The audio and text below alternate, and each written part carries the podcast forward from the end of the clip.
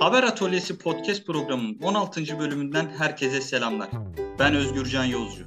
Bu bölümde gazeteci ve atölye biyo proje asistanı Sakin Orman ile cinsel istismar ve şiddet haberleri nasıl yazılmalı konusunu konuşacağız. Sakin'e programa öncelikle hoş geldin. Hoş bulduk. Çok teşekkür ederim beni davet ettiğin için. Biz teşekkür ederiz. Sohbetimize başlamadan önce seni tanımayan dinleyicilerimiz için kısaca kendinden bahseder misin? Aslında çoğunu söyledin. Yani İPS İletişim Vakfı Biyanet'te 4 yıl aşkın bir süredir proje asistanı olarak çalışıyorum. Atölye Biyan'ın proje asistanlığını yapıyorum. Atölye Biyan'ı bilmeyenler için de Twitter adresimizi takip edebilirler diyebilirim. Biyanet'te yani bulunduğum kuruma ve çeşitli platformlara e, haber yapmaya devam ediyorum. Ege Üniversitesi gazetecilik mezunuyum. İzmir'de de birçok yerel medyada çalıştım. Gazeteciliğimi sürdürmeye çalışıyorum. Çok teşekkür ederim Sakine. Hiç zaman kaybetmeden istersen sohbetimize başlayalım. Evet olur.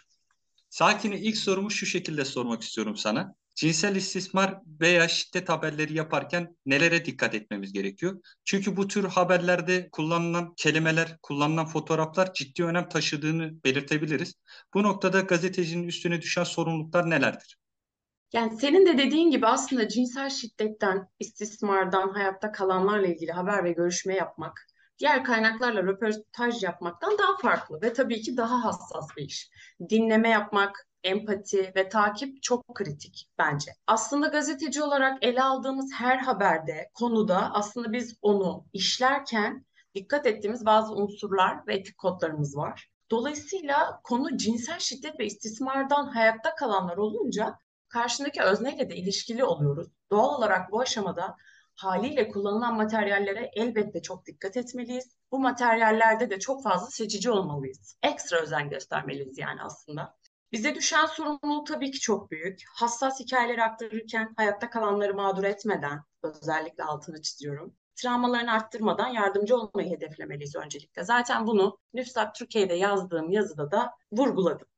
Daha sonra insanlara yaklaşmak, ilişkiler kurmak ve onlarla röportaj yapmak için uygun teknikleri öğrenmek gerekiyor bence. Kolombiya Üniversitesi Gazetecilik Enstitüsü'nün bir projesi var. Hatta bu doğrultuda DART Gazetecilik ve Travma Merkezi diye. Mesela bu alanda çalışan kişileri hayatta kalanların ve travma mağdurlarının hikayelerini etik olarak nasıl anlatılması gerektiği yönde eğitiyorlar. Dolayısıyla cinsel saldırı, şiddet, istismar veya aile içi şiddet hakkında yazacaksak, yazmak isteyen her kimse bu hassas konuyu bence kapsamlı ve düşünceli bir şekilde nasıl tartışacağını öğrenmek için bu siteyi ziyaret etsin. İlk tavsiyem bu olabilir bu noktada.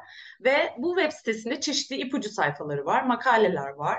Aynı zamanda UNESCO'nun da bir el kitabı mevcut nasıl görüşme yapılabilir? Dolayısıyla buna dair bir bilgilendirme de burada mevcut. Bu alanda haber yapmak isteyen arkadaşlar bu rehberlere bakabilir. Materyallere dair de özellikle haber fotoğraflarını düşündüğümüz zaman bence çok mağdurlaştırıcı görseller kullanıyor Türkiye'deki yaygın medya.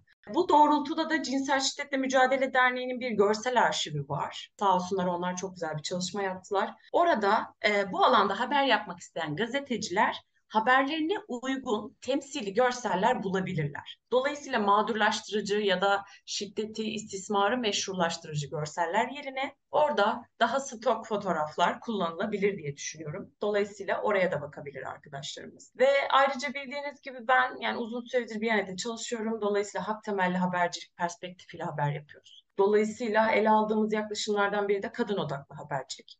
Bu da çok hassas bir mesele bence. Dolayısıyla uzun uzun değinmeye gerek yok. Sitede bu kitabımızın pdf'i de mevcut. Sevda Alankuş hocamız da gazetecilere düşen sorumluluğu orada uzun uzun ele alıyor. Dolayısıyla arkadaşlar onlara da bakabilir. Aynı zamanda daha önceki programınızda da konuk ettiğiniz kadın LGBT editörümüz Evrim Kepenek de orada mutlaka değinmiştir. Dolayısıyla onun yazılarını ve haberlerinde etik habercilik pratiği olarak bence referans alabiliriz. Açıklaman için çok teşekkür ederiz Sakine. İkinci sorumu da gazetecilik görev ve sorumluluğu çerçevesinde sormak istiyorum. Niflep Türkiye sitesinde yer alan cinsel istismar şiddette hayatta kalanlarla röportaj yaparken dikkat edilmesi gerekenler başlıklı yazında ilk metot olarak bireyle bağ kurmak gerektiğini belirtiyorsun. Bu bağlam evet. içerisinde soruyu şu şekilde toparlamak istiyorum. Yani, travmatik bir olayı gazeteci dinlediğinde ve bağ kurma sürecini oluşturduğunda haber yazımını sence zora sokmaz mı? bence ve yaptığımız haberlerde de çok temel ve kaçınılmaz bir özne olarak zaten hep var oluyoruz. Yani gazeteci zaten var olmalı. Ve biz bundan hep etkilenen kişi olacağız zaten. Olmalıyız da. Dolayısıyla bu aşamada cinsel istismar, şiddet üzerinde haber yapıyorsak karşımızdaki özneyle ilk olarak empatimizi had safhada tutmalıyız. Dolayısıyla onların bu görüşmeler sürecinde tetikleneceği noktalardan kaçınmalıyız. Zaten aslında bağ kurmalıyız demek istiyorum. Nasıl bağ kurmamız gerektiğine dair bilgilere vakıf olmalıyız. Dolayısıyla olmazsak travmatik olarak hem özneyi hem de kendimizi koruyamayız haberin niteliğini koruması için bence haberdeki öznenin hakkının savunulması ve sesinin objektif bir şekilde duyurulması için empatiyi sunmalıyız. Yazıda da aslında daha önce de söyledim, bunu vurguladım. Temel olan şu, işimizi yaparken kendimizi de korumalıyız. Tüm bunları yaparken bence biz gazeteciler olarak çok azımız travmadan kaçınıyoruz. Bu yüzden işimizi yaparken kendimizi de korumak önceliğimiz olmalı. Bu süreci yine daha önce de söylediğim gibi Cinsel Şiddetle Mücadele Derneği detaylı bir şekilde rehberlerinde açıklıyor. Ben de bir gazeteci olarak bu durumlarda destek almaktan çekinmiyorum. Dolayısıyla haber yazma süreçlerimizi etkileyebilir. Biz de destek almaktan çekinmeden mesleğimizi bence yapabiliriz. Sakine, bir buçuk ay önce AKP ve MHP oylarıyla meclisten geçen hükümetin dezenformasyonla mücadele yasası olarak adlandırdığı, ancak gazetecilerin ise sansür yasası olarak ifade ettiği yasa hakkında düşünceni çok merak ediyorum. Yani yasayla birlikte haber alma hakkımız, ifade özgürlüğümüz ve iletişim alanındaki hayatımız bence kökten değişecek. Bu zaten net bu yasanın gazetecilik faaliyetlerini etkileyeceğini, insanların haber alma özgürlüğünü, etkisini de sürekli uzun uzadıya konuşuyoruz. Sesimizi duyurmaya çalışıyoruz aslında ama çok da duyurabildiğimizi düşünmüyorum. Dolayısıyla bu bir yandan beni korkutuyor.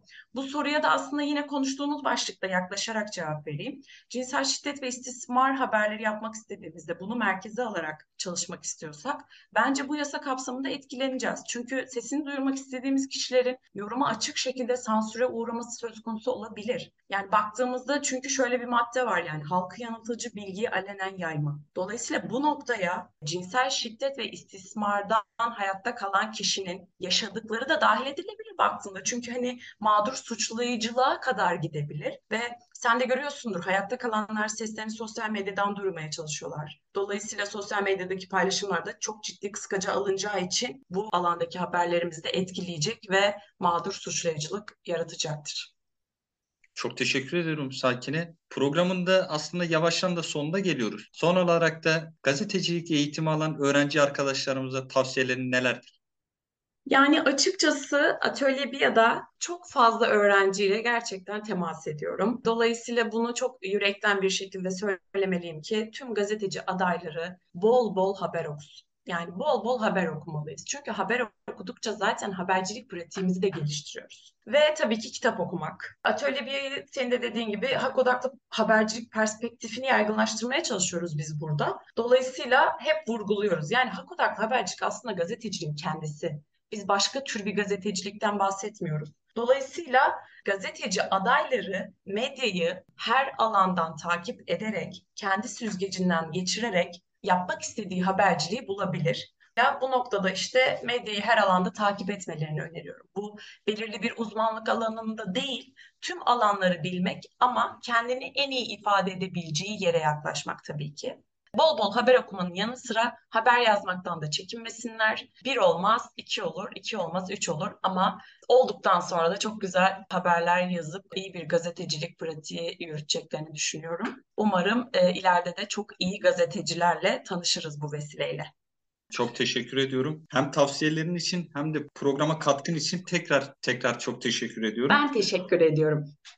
Sakine benim sormadığım ancak senin eklemek istediğin bir şey var mı? Yani bu programı yaptığın için çok teşekkür ediyorum. Bence çok faydalı hepimiz için. Başvurmamız gereken bir arşiv yarattın bence. O yüzden beni de buna kattığın için çok teşekkür ediyorum.